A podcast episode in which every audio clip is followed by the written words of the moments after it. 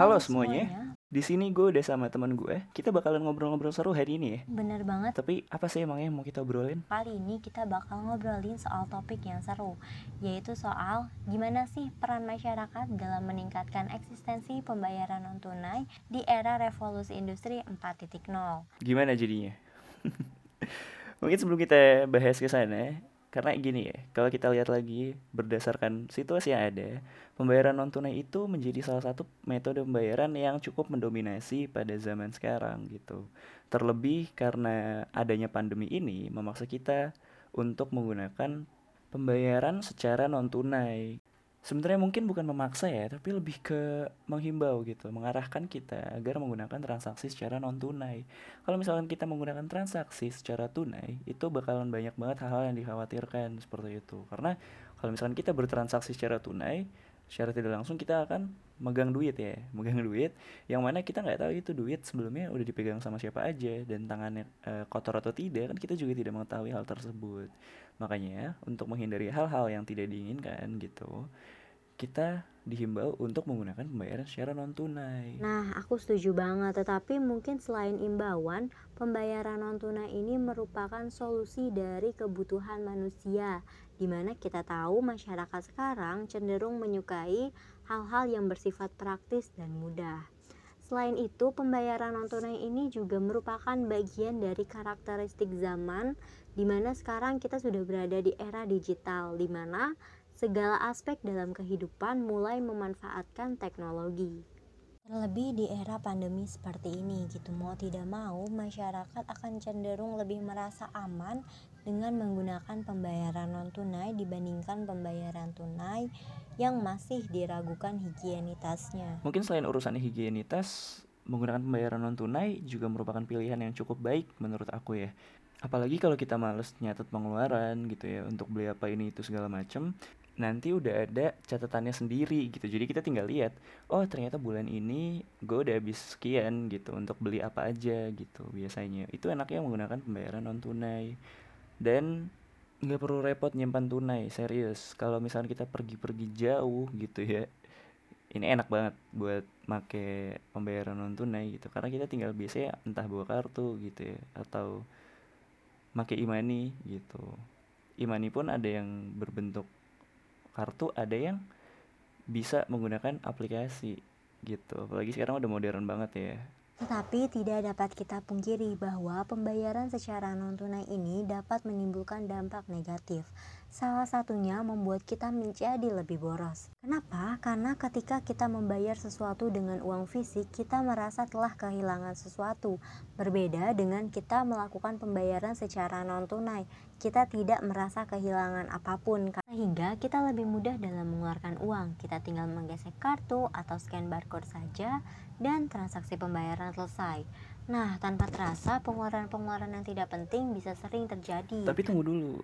Kalau misalkan berbicara tentang boros, itu mungkin kembali ke pribadinya masing-masing ya. Karena ada juga orang yang mungkin bisa dibilang boros gitu ketika menggunakan pembayaran secara tunai. Jadi untuk masalah positif dan negatifnya terkait pembayaran non tunai itu balik lagi ya ke penggunanya masing-masing mungkin. Karena mungkin bisa aja ada yang lebih banyak positifnya ketika seseorang menggunakan pembayaran tunai gitu. Ada juga mungkin yang lebih banyak positifnya ketika seseorang menggunakan pembayaran non tunai. Jadi benar-benar balik lagi ke pribadinya masing-masing gitu loh. Kalau emang dasarnya boros, ya mau tunai atau non tunai tetap aja boros. Misalkan seperti itu ya. Tapi kalau menurut Hana sendiri gimana tuh? Kalau aku kan pribadi memang saat ini ya sejauh ini aku lebih prefer untuk menggunakan tunai sebenarnya. Tunggu, tunggu. Tadi kan kamu ngejelasin soal berbagai manfaat atau hal positif yang bisa kita dapetin dengan melakukan pembayaran non tunai. Iya, bener banget. Tapi kok sekarang kamu malah bilang kamu lebih prefer sama pembayaran tunai?